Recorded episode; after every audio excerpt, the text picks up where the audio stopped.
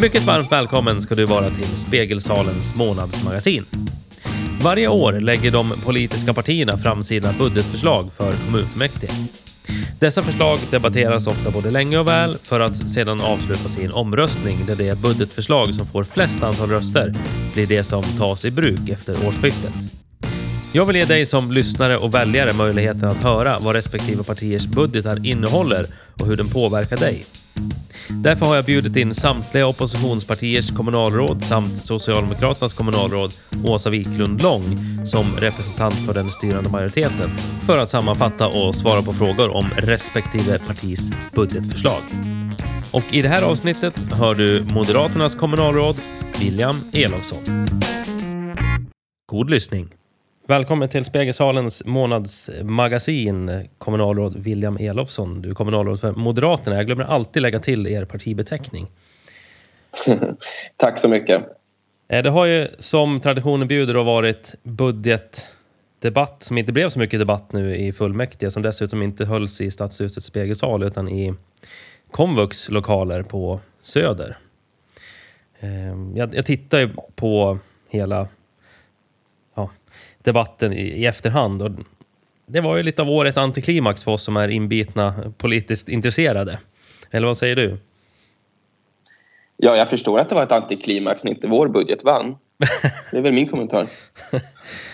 det brukar vara lite mer häftiga debatter och så. Det var lite striktare Ja, vi fick ju begränsa oss på grund av covid. Så det blev ju inte samma debatt. Vi skulle ju undvika att driva fram repliker och sånt. Um, så det var ju inte lika skarpt. Så var det ju. Um, sen även, för, även som eh, oppositionsparti blir det ju en form av antiklimax när man har jobbat fram någonting under väldigt lång tid. Man har väldigt bra förslag och sen förlorar man omröstningen. Något vi har vetat om sedan länge i och med hur läget såg ut. Att sannolikheten att vår budget går igenom är väldigt liten. Men det är ändå lite tråkigt när man har lagt så mycket arbetstid och energi på någonting eh, och att den inte går igenom. Men det handlar ju om att redovisa vad, vad, vi vill och vad vi tycker. Men också, det blir ju en chans till, till att politikutveckla internt i partiet. Så det är ändå en väldigt bra process där vi sätter oss ner och diskuterar väldigt mycket politik under hela, ja, egentligen börjar vi på våren och sen intensifieras det på hösten. Eh, så på så vis är det ju väldigt bra. Mm. Då ska jag bara ställa den frågan lite snabbt. Har, har Moderaternas nya idéprogram, eh, ser man tendenser av det i er budget som ni har lagt nu här för? Jag tänker Moderaterna på riksnivå har ju ett nytt idéprogram. Speglar det av sig i den här budgeten? Ja, jag skulle inte säga att det finns direkta kopplingar eh, så till den delen. Stora delar av budgeten var rätt, rätt så... Vi hade inriktningen redan klar när det släpptes. Likheterna finns väl i att båda programmen, eller budgeten och programmet är skrivna av moderater. Så därav kan man ju se saker som stämmer överens. Um, men det är inte så pass implementerat med det programmet i och med att vi låg före att den släpptes. Ja, just det. Men vi ska ju fokusera på som sagt budget här nu och vi går emot eh, spartider om man säger så. Det ska sparas in 450 miljoner i runda slängar de kommande tre åren och tre, fyra åren. Mellan 2021 och 2024. Det är tre år va? Eh, och då tänker jag så här, om du får börja med att sammanfatta Moderaternas budget. Mm. Ja, men eh, till att börja med måste vi titta på utgångsläget liksom, väldigt kort. Och det är att vi har ändå varit i en högkonjunktur och den är nu slut. Och vi har fått en negativ ekonomisk utveckling påskyndad av pandemin. Vi vet heller inte hur den här andra och möjligtvis kanske en tredje våg står ut. Många sätter stort hopp till vaccin, det, det gör även jag. Men vi får se var det landar. Men vid sidan av den här påskyndade ekonomiska utvecklingen av pandemin så har vi den demografiska utvecklingen där allt fler blir, blir, blir äldre. Vi har fortsatt problem med integrationen med människor som inte kommer i arbete som har invandrat hit. Det gör ju att kalkylen är ju väldigt svår. Och det vi moderater i vårt budgetförslag sa det är att vi framförallt måste stärka vår skattekraft. Vi måste sätta fokus på trygghet, skola och äldreomsorg. Äldreomsorg inte minst sett till de brister som har visat sig nu under pandemin. Och samtidigt måste fler personer komma i arbete. Det är liksom så kort sammanfattat vår budget. Och vad skiljer er budget då mot majoritetens? Ja, men vi kan ju titta på några satsningar vi gör. Vi väljer att se det här som Gävle kommun har börjat med, med patrullerande vakter, som någonting väldigt bra. Där vill vi skjuta till medel så att vi kan ha det varje kväll året runt. Det vill säga att man ökar ambitionen. Vi vill stärka satsningen på nattvandring genom att göra som vissa Stockholmskommuner gör. Det vill säga att föreningar kan söka pengar eller får pengar när de, när de nattvandrar till sin föreningskassa. Så om IK Sätra går ut och nattvandrar då får de en slant som är utöver deras ordinarie föreningsstöd. Så på så vis stärker vi föreningslivet som vi igår kunde läsa i tidningen får höjda hyror av majoriteten. Ja, med 7,5 procent. Precis. Och sen att de också nattvandrar. Vi tittar på socialnämnden. Där vill vi gå från ett arbete som är på hem och förstärka arbetet i hemmet. Och där omprioriterar vi till ett mer effektivt arbete. Vi vill stärka den lokala arbetslinjen genom att ställa olika krav. Bland annat göra hembesök hos de som uppbär försörjningsstöd. Dels så man kan kontrollera att det är korrekt men också så att man ger dem en chans att komma i kontakt så att man kan skapa en mer individualiserad väg till arbete. Så att vi inte har några hemmasittare när det gäller arbetslöshet. Och där vill vi också att den som uppbär försörjningsstöd ska ha en heltidssysselsättning inom kommunen. Så att man håller sig aktiv, både så man kan utbilda sig men så att man har någonting att göra. Vi har punktinsatser i skolan. Vi har sett i andra kommuner, till exempel Norrköping, då har stiftelsen Läxhjälpen varit där och sett till att de elever som har det svårast lyckas klara skolan. Nu har stiftelsen Läxhjälpen precis kommit till Gävle men de ska bara ta hand om, jag tror det var 20 eller 30 elever. Men de pekar på att vi har ett behov av över 100 elever. Och skulle vi lägga pengar på det, vilket är ungefär bara är en miljon i sammanhanget i skolans budget som är 2,5 miljard är det ju inte särskilt mycket pengar i förhållande till det. En miljon skulle kunna lyfta väldigt många elever sett till om de får samma goda resultat som i andra kommuner. Och också våra satsningar på omvårdnadsnämnden. Och där kan jag väl framförallt peka på att vi vill jobba mot ensamhet. Både genom relationer mellan generationer men också genom att bevara korttidsplatserna. Det är några av de satsningarna och det är ju satsningar som majoriteten inte gör. Så det är ju saker som skiljer oss åt.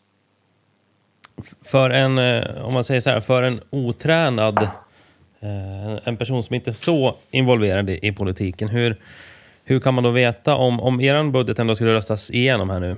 Eh, mm. Hur skulle de hur skulle gemene man märka skillnad mot för majoritetens budget som har gällt året innan och året som kommer med er budget? Hur, skulle, hur, hur påverkar den folket, så att säga?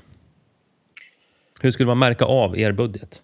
Ja, nej, det skulle vara så att framförallt skulle man ju se det på resultaten. Att vi kunde eh, prioritera om på socialnämnden och hitta mer pengar att satsa på de elever som har det tuffast. Satsa på dem när det gäller korttidsplatser. Det är ju då personer som skrivs ut på sjukhus men är fortfarande för sjuka för att vårdas i hemmet. Så det är ett mellanstadie och det håller ju majoriteten på att avveckla.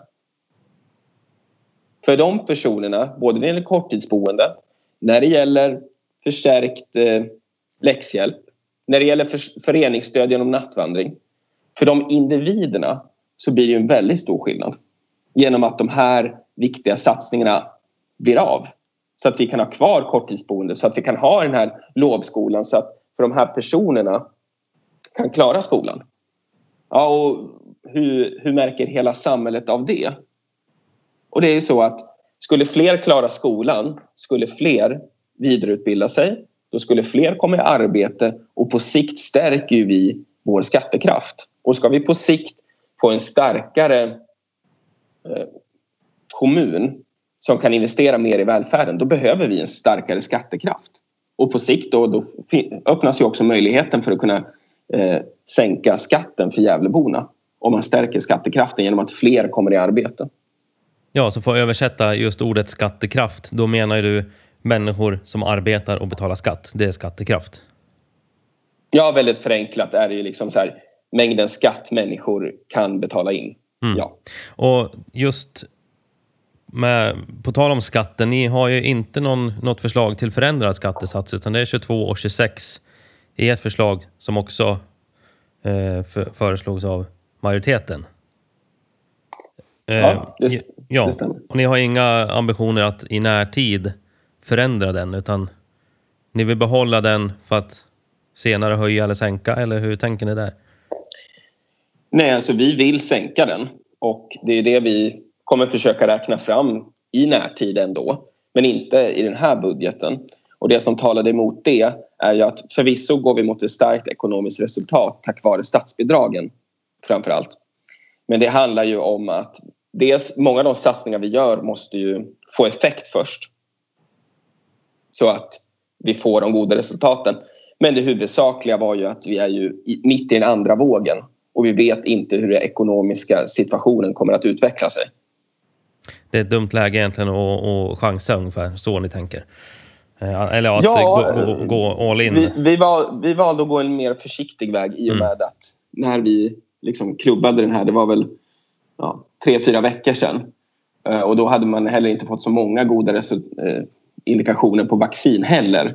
Liksom, I det läget valde vi en mer försiktig väg att inte gå på skattesänkning. Men tittar man på det ekonomiska resultatet sett till att vi omprioriterar så gör vi ju så att vi har ju större vi har ju bättre ekonomiskt resultat än majoriteten också eh, genom våra omprioriteringar. En annan viktig satsning vi gör om man tittar liksom på resultatbudgetsidan det är att vi säger nej till hela ökningen av taxe och avgiftshöjningar. Vissa saker måste indexuppräknas för ja, men löner ökar, det ska vara självkostnadspris. Men vi säger nej till hela den ökningen som majoriteten föreslår. Så hade man till exempel haft eh, vår budget då hade, eh, hade man ju kunnat till exempel undvika att höja avgifterna så, så mycket för föreningslivet nu med 7,5 procent som majoriteten går fram med. Hur, eh, jag tänker vi ska försöka mm, hålla oss lite kort. Eh, jag, jag känner det är flera punkter som jag vill ställa frågor på, men vi har ju en stor punkt som vi måste hinna avhandla också. Det är det här med besparingarna. Det är ju för en privatperson väldigt stora summor pengar, 450 miljoner som ska sparas. I, en, I det offentliga sammanhanget så är det inte så jättestora pengar egentligen. Eh, men det är ändå mycket pengar. Eh, hur, hur vill ni jobba för att spara in de här, för att möta de här sparkraven som ändå finns? Eller finns det sätt att runda det? För jag tänker, de, jag har gått igenom alla partiernas budgetar, eller majoritetens och alla andra. Ehm, och det finns ingen som har någon radikal nedskärning eller så, förutom Sverigedemokraterna som går hårt åt kultur och fritidsnämnden och som de alltid gör. Men hur, hur tänker ni? Hur, hur jobbar ni mot för att liksom möta de här sparkraven? Ja, det handlar ju om struktur, strukturförändringar och det är det vi föreslår. De kostar ju nödvändigtvis ingenting, men det är ändrade arbetssätt. För gör vi som vi alltid har gjort blir det som det alltid har blivit. Och då om man bara sätter en tajtare ram, det är såklart det snarare blir ett sparkrav än en effektivisering. Tittar vi på socialnämnden, där har ju vi en mindre ram än majoriteten för att vi ser över familjeboendet, Hemstagården, Nova, akutboende, alltså olika hem på socialsidan. För att sen satsa på ett förstärkt arbete i hemmet, ambulerande ungdomsteam och att flytta delar av det här som vi då omprioriterar till Stallgatan. Vi förändrar alltså arbetet från att vara på hem till att vara ett förstärkt arbete i hemmet där man också behöver starta igång bostad först, någonting majoriteten har bara pratat om. Här finns det ett annat arbetssätt som också är mer kostnadseffektivt. Och då är det inte bara ett sparkrav i min mening utan då gör man en, en rejäl effektivisering. Sen handlar det om att stärka upp på andra ställen också. Eh, men det är framför allt där. Sen finns det ju också, får man ju välja nu när det är knappa ekonomiska tider var man ska ta ifrån vi plockar ju hem, när man tittar på framförallt kommunikation, plockar vi hem ganska mycket pengar förhållandevis och kan placera om det på andra nämnder. Men tittar vi också på arbetsmarknaden och funktionsrättsnämnden så där gör vi inga större förändringar av, av ramen i år.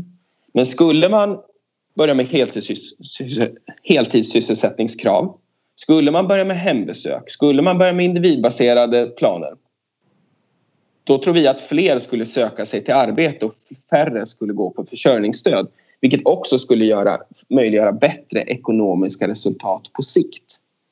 För det handlar om ändå ett långsiktigt arbete och vill man förändra det jag menar i Gävle ändå är delvis passivt eh, arbete kring det här med arbete till någonting mer aktivt då tror jag att vi skulle på sikt spara en väldigt mycket pengar. Så det, det finns liksom det är mitt svar på det här med att man ska effektivisera 400 miljoner. Ja, jag skulle tro att förändrar man ordentligt och på sikt på flera år ja, jag tror man skulle kunna bibehålla en kvalitet men spara så mycket. Men då måste man ändra sina arbetssätt. Man kan inte göra som man alltid har gjort för då blir det som det alltid har blivit. Så det är alltså egentligen genom små, eller flera punktinsatser som ni vill effektivisera snarare än att ni bara vill riva bort någonting för att snabbt spara in de här pengarna. Som är en kortsiktig mm. lösning medan eran, eh, att gå in i detaljer och eller i flera olika områden så blir det en långsiktig lösning. Förstår jag rätt då? Ja, eller så här, man, dels är det att göra flera punktinsatser som i skolan. Men det handlar ju om det här strukturella vi måste förändra. Att ha krav på heltidssysselsättning för den som uppbär försörjningsstöd.